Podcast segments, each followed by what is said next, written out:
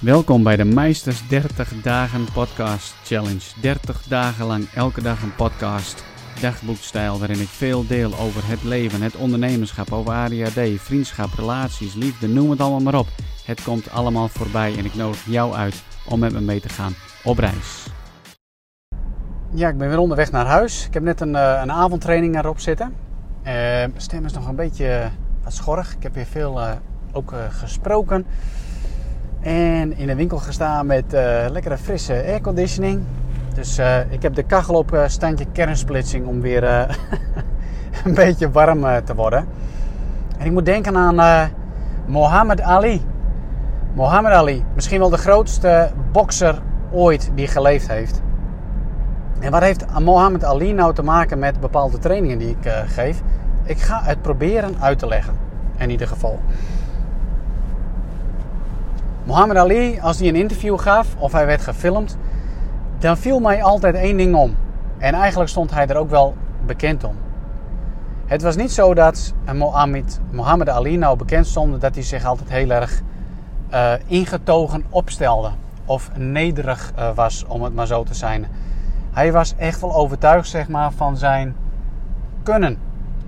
En het was natuurlijk ook een gedeelte spel wat hij deed. Maar er zit een hele grote kern van waarheid in. In hoe hij in het leven stond. Hij riep namelijk de hele tijd over zichzelf. I am the greatest. I am the greatest. I'm the greatest fighter. I'm the, the, the swiftest. I'm the fastest. I noem het maar op. Hij was zo goed in staat om al die goede dingen van zichzelf uh, te benoemen. Dat je echt zoiets nou, sommigen zullen gedacht hebben: jeetje, wat een arrogante kwal. En dan hangt het ook nog heel erg af van de cultuur waar je in zit.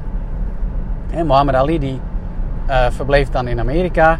Dat is alweer een hele andere cultuur, zeg maar, dan onze Nederlandse Calvinistische cultuur. En in Amerika is het alweer iets meer gewoner om de goede dingen van jezelf, om daar gewoon eerlijk voor uit te komen, dat te durven te benoemen. Ik merk tijdens trainingen uh, enzovoort, dat als ik vraag zeg maar aan uh, iemand die in zo'n training zit, hey, benoem nou eens wat er goed ging of benoem nou eens wat jouw kwaliteiten zijn. Is dat ik heel vaak terugkrijg, hey, moet ik dat over mezelf zeggen? Ja, inderdaad, zeg het eens over jezelf. Wat vind je eigenlijk zelf dat je goed kan? Nou, dan merk ik wel dat er best wel veel weerstand is, want het is immers niet gebruikelijk om, in dat, om, om dat in onze cultuur uh, te doen. In onze Nederlandse cultuur. En misschien is het dan ook wel weer uh, streekafhankelijk. Hè? Want ik woon natuurlijk in uh, het noorden van het land, in Friesland. Maar goed, dat had je natuurlijk al lang gehoord. En ja, daarin is het misschien helemaal not done om te zeggen wat je zelf goed kan. Daar houden we ons verder van, om het maar even zo te zeggen. Ik vraag mezelf dat wel eens af. Hè? Um, is het nou echt zo erg om over jezelf te zeggen dat je iets goed kan? En hoe reageer jij bijvoorbeeld als jij iemand hoort zeggen dat hij iets goed kan? Ik bedoel, voor mezelf is het dat ik regelmatig in, mijn dag, in een dagboek schrijf. Het is niet elke dag, maar regelmatig. En daar schrijf ik ook wel gewoon in van wat kan ik goed, waar, waarin ben ik gegroeid, waarin heb ik geleerd. Maar dat is dan zeg maar in het privé. Maar ook in, in gesprekken of als ik met collega's heb, dan durf ik eigenlijk ook best wel te benoemen van wat zijn nu eigenlijk mijn kwaliteiten, waar ben ik heel erg goed in. En aan de andere kant net zo goed hoor. Ik durf ook wel die dingen te benoemen waar ik wat minder sterk in ben. En toch zullen er sommige mensen zijn die dat heel erg lastig vinden of daar vreemd op reageren. En dan denk ik van, jammer eigenlijk. Toch? Ja, maar ik ben wel benieuwd hoe jij dat nou uh, vindt.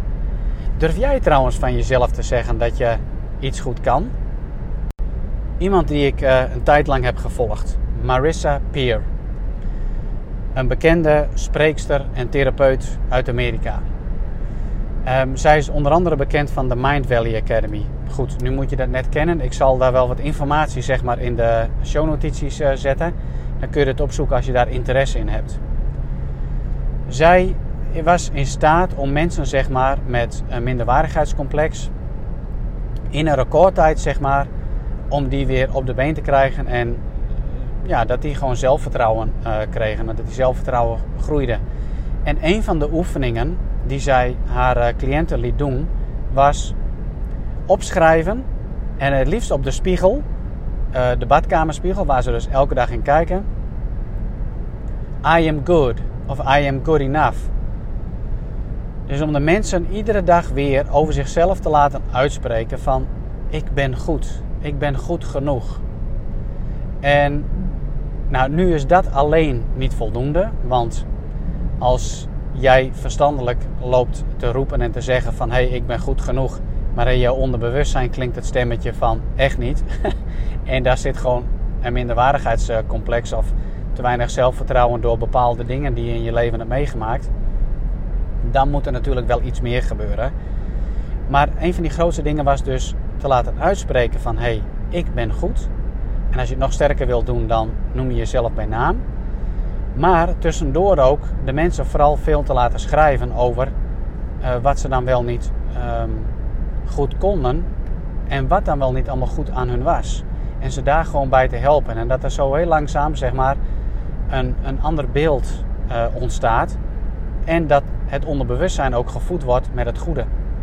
En ik vraag me dat af bijvoorbeeld in, uh, in ons Nederland, hè, met ons Calvinistisch uh, cultuurtje, cultuur.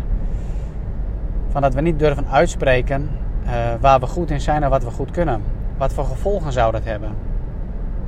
En zou het wat uitmaken, zeg maar, voor hoe we presteren, hoe we echt daadwerkelijk over onszelf denken, hoe we in een groep liggen, uh, zeg maar op het werk, hoe we zijn als leider, zou het invloed hebben op ons leiderschap.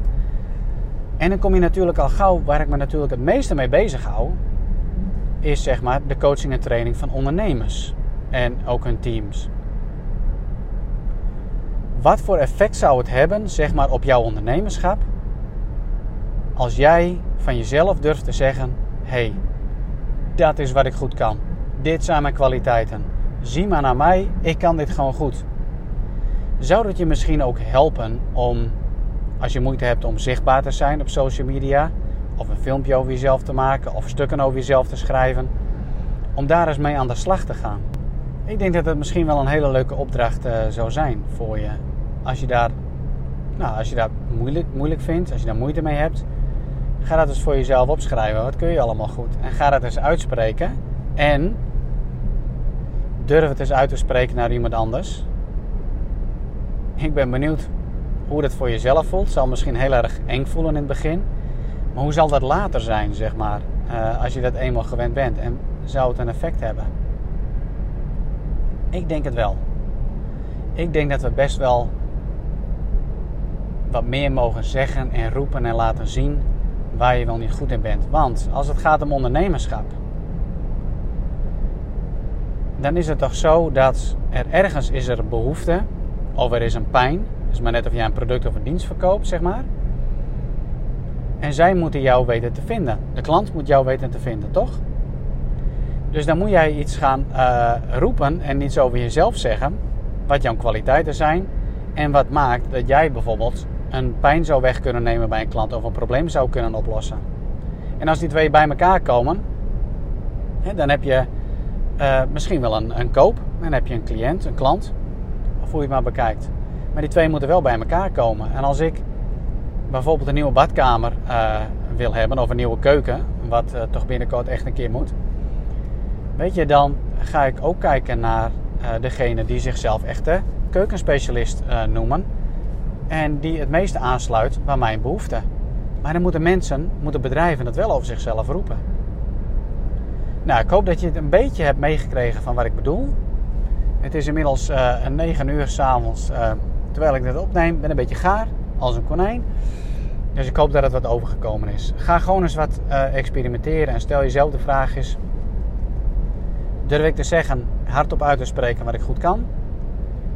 Uh, zo nee, ga daar eens mee aan de slag. Ga daar eens mee oefenen.